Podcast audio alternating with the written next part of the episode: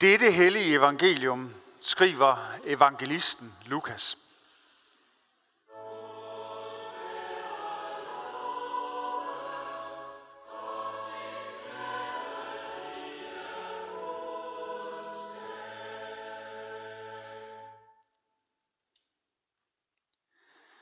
En mand i skaren sagde til Jesus, Mester, sig til min bror, at han skal skifte arven med mig.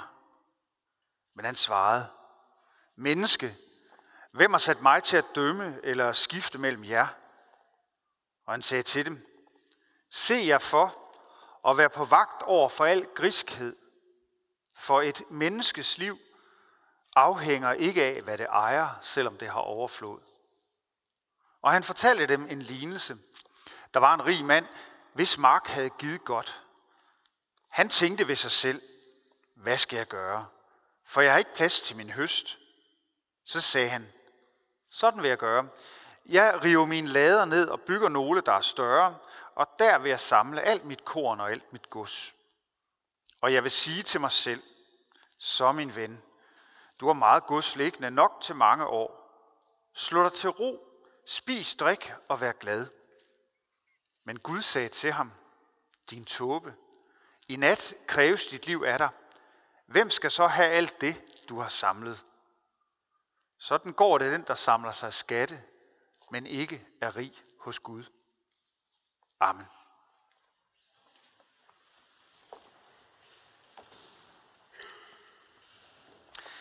Gud vær til stede her i vor midte. Jesus Kristus, send os din nåde. Gud Helligånd, oplys ordet for os. Amen. Er jeg rig hos Gud? Vi er begyndt på noget nyt i dag. Vi er begyndt på første søndag efter Trinitatis. Og øh, det markerer begyndelsen på den anden halvdel af det, vi kalder for kirkeåret. Kirkeåret, det øh, er ligesom en krans.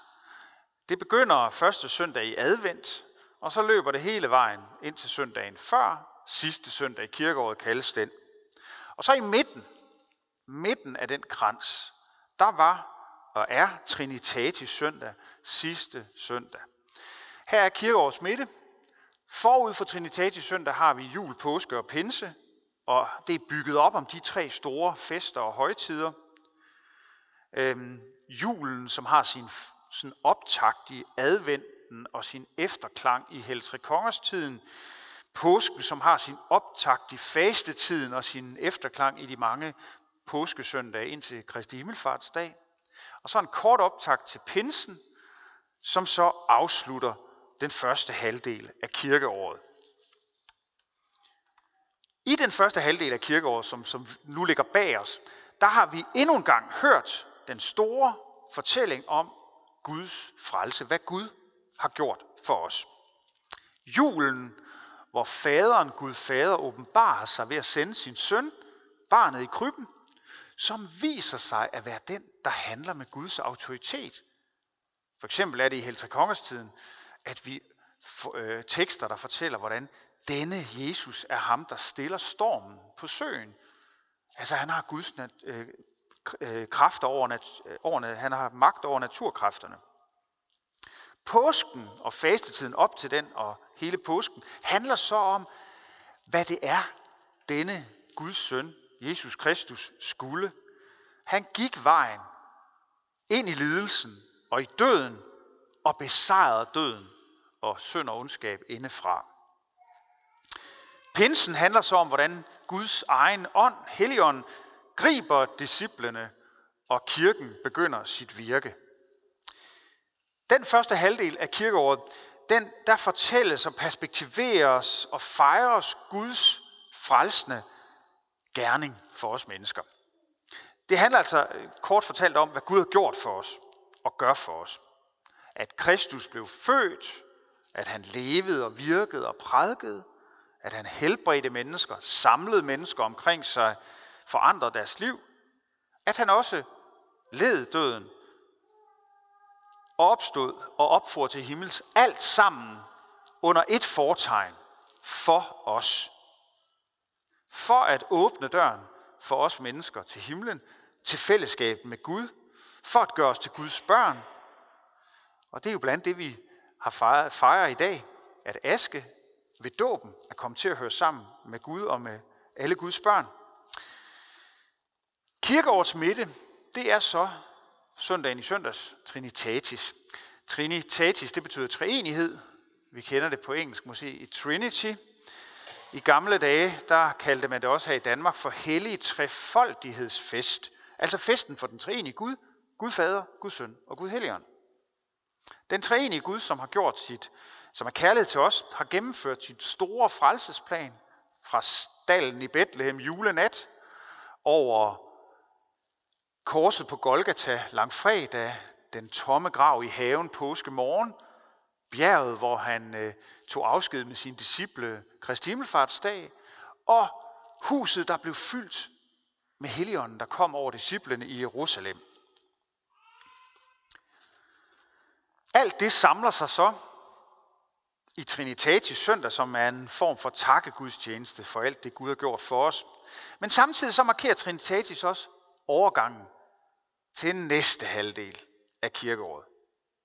For nu er vi altså begyndt på en anden kurs, hvor det før handlede om, hvad alt det Gud har gjort for os, så handler det nu om, hvad det så betyder i vores liv. Hvordan bærer evangeliet frugt i mit og i dit liv? Derfor kalder man også øh, Trinitatis-tiden for vækstperioden, og hvis I kigger på øh, de der øh, skilte, hvor der står første søndag efter Trinitatis, så kan I se, at de er grønne. For grøn er Trinitatis-farven, det handler om vækst, om hvordan troen bærer frugt i vores liv, i verden. Nogle gange så vil man også øh, kalde denne halvdel for dagligdags halvåret, og den anden for festhalvåret. Det er jo også, må vi sige, den periode, vi nu er forbi, der giver os en masse skæve helligdage og fridage.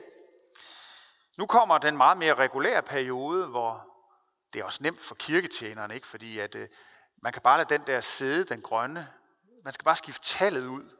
Et, næste søndag så er det nummer to, og så løber det til langt over 20 øh, søndage. De kommer simpelthen som perler på en snor.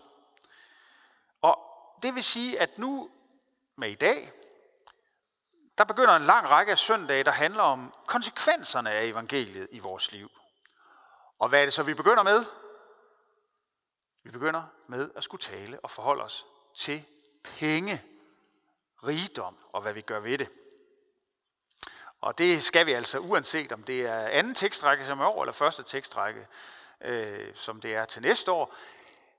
I deres visdom har dem, der har lavet de her tekstrækker, simpelthen besluttet sig for, at det første, vi skal tale om, det er penge. Hvad betyder de? Hvad gør de ved os?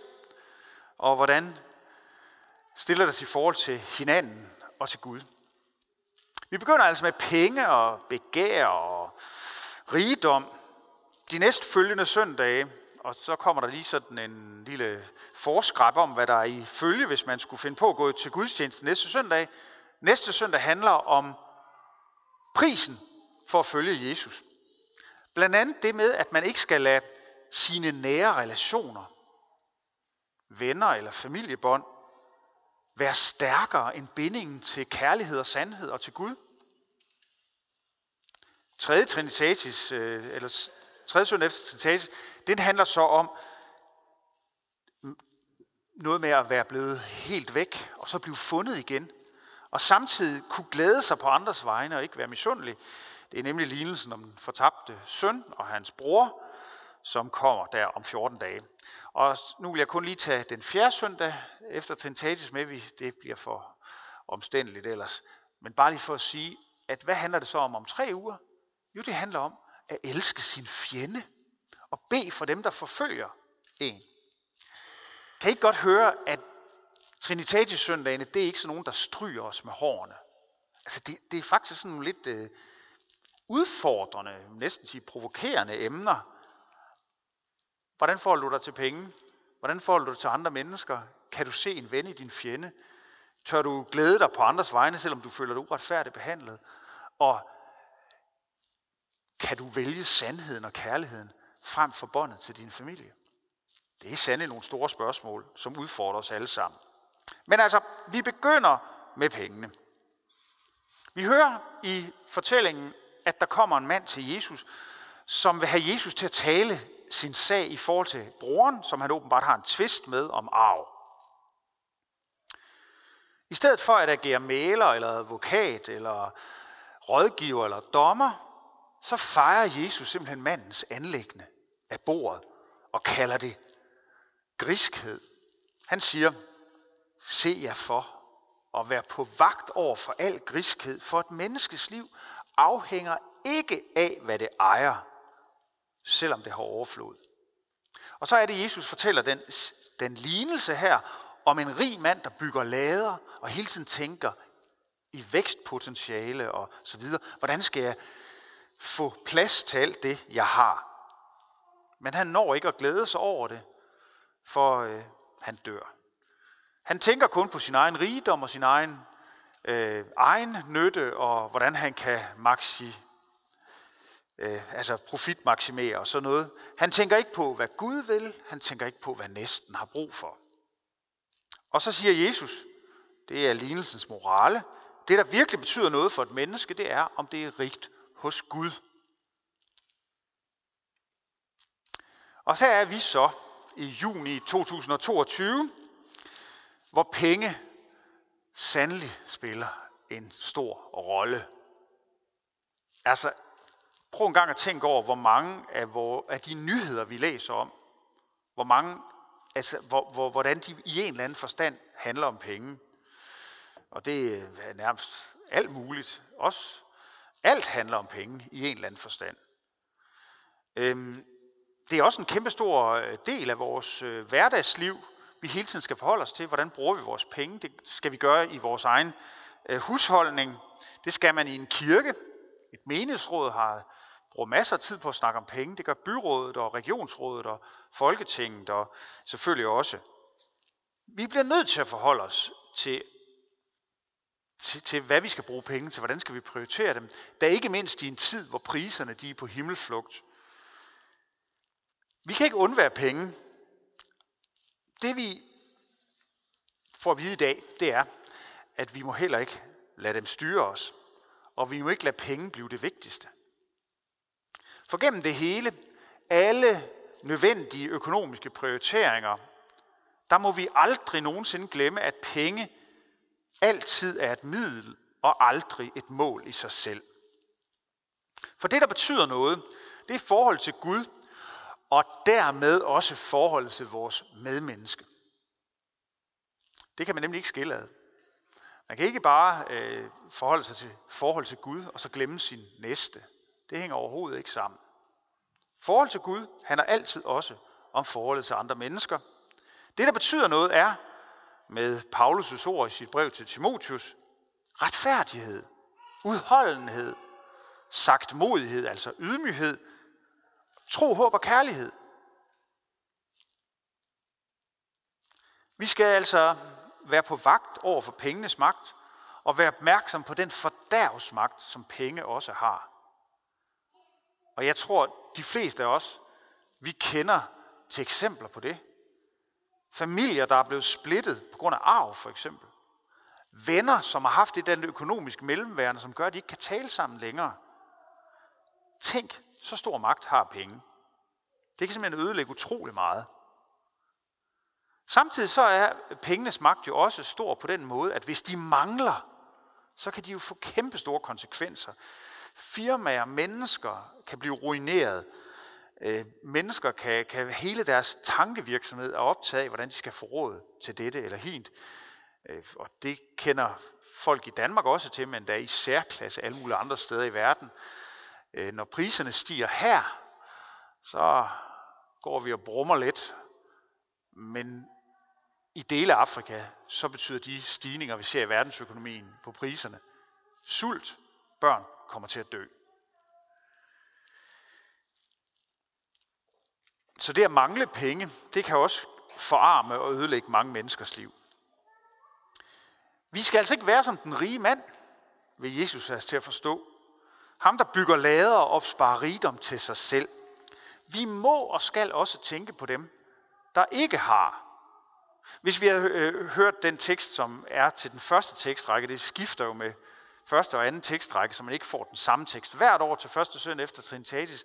Men altså den, der hører til sidste år og næste år, den handler om den rige mand, Lazarus, som er fuldstændig ligeglad med den fattige, eller den rige mand, som er ligeglad med den fattige Lazarus, som er uden for hans dør. Sådan skal vi ikke være. Vi må ikke kun tænke på os selv, ja, eller vores egen familie, eller vores eget land for den sags skyld. Vi bliver nødt til også at have øje for dem, der intet har. Det er jo sådan et, et, et gentagende, man kan næsten sige mantra, en sang, der, der taktfast lyder gennem hele det gamle testamente og ind i det nye testamente. Husk på den fremmede, den faderløse og enken. Det må vi ikke glemme. Hvad enten de er her i Danmark, i blandt os, de mennesker, som har det svært og er i krise, eller om de er i Ukraine, om de er i Afrika, der er i skyggen af krigen i Ukraine, nu kommer til at lide under fødevaremangel. Hvad betyder det der så med at være rig hos Gud? Det er jo det, Jesus siger i sin lignelse om den mand, der kun tænker på at øh, skrave ind til sig selv. Sådan går det den, der ikke er rig hos Gud. Hvad vil det så sige at være rig hos Gud? Måske er det først og fremmest at vide sig selv fattig. At man godt ved, at man har brug for Guds kærlighed. Brug for Guds tilgivelse og brug for at få Guds hjælp, vejledning og styrke. Fordi jeg fejler. Fordi jeg kommer til kort. Og at jeg derfor, når jeg ved mig fattig, dernæst ønsker og søger at følge Jesus, velvidende at jeg svigter og fejler, fordi jeg er lille og ufuldkommen, men dog bliver ved med at søge at følge efter Jesus og prøver at leve den kærlighed ud, som jeg selv er elsket med. Måske er det det, det handler om at være rig hos Gud.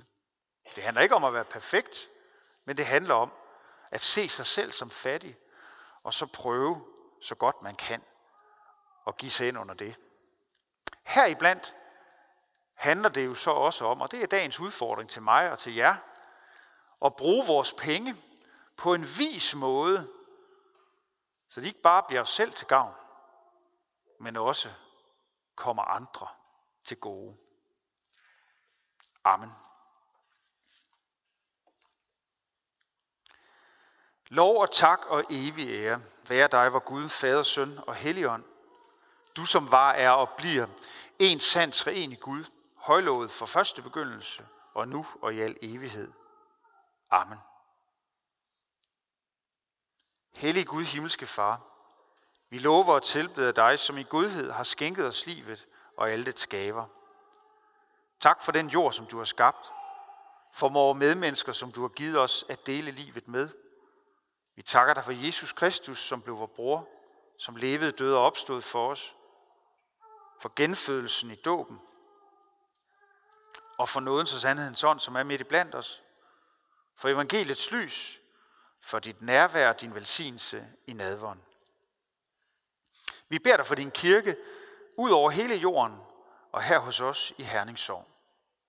Tag ikke nådens og sandhedens ord fra os. Bevar os alle i troen og den indbyrdes kærlighed. Lad håbet om dit komme være levende i blandt os. Giv os trofaste ledere og forkynder dit ord. Forbarm dig over alle, der far vild. Over dem, der lider for dit navns skyld og lad dit evangelium komme ud til alle folkeslag. Vi beder for vores hjem og vores kære, for vores daglige liv med hinanden i arbejde og fritid. Vi beder dig om fred mellem nationerne og for folkenes regeringer. Skab du fred og retfærdighed i Ukraine. Vi beder dig også for, at der vil blive forsoning og fred mellem israeler og palæstinenser. Vi beder dig om fred i Syrien, i Afghanistan, Ja, hvor som helst mennesker lever vendt mod hinanden og i ufred. Vi beder dig for Danmark. Bevar os som et folk iblandt folkene. Vi beder dig for al lovlig øvrighed. for alle med ansvar i vores samfund. For dronning Margrethe og hele det kongelige hus, for regering, folketing, domstol, regionsråd og kommunalbestyrelser. Giv dem troskab og visdom til at forvalte deres magt og viden til værn for de svage og til gavn for alle. Hvad er hos alle fattige, alle forpinte og bedrøvede, dem der sidder i fængsel, og dem der er flygtet fra deres hjemland. Hvad er ved forladte og ensomme, dem der mangler det nødvendigste til livets ophold, de syge, dem der skal dø og dem der har mistet. Forbarm dog os, giv os ikke løn som forskyldt, men fri os fra det onde, og lad os på den yderste dag få lov at opstå med Kristus og evigt takke dig ved din elskede søn, Jesus Kristus. Amen.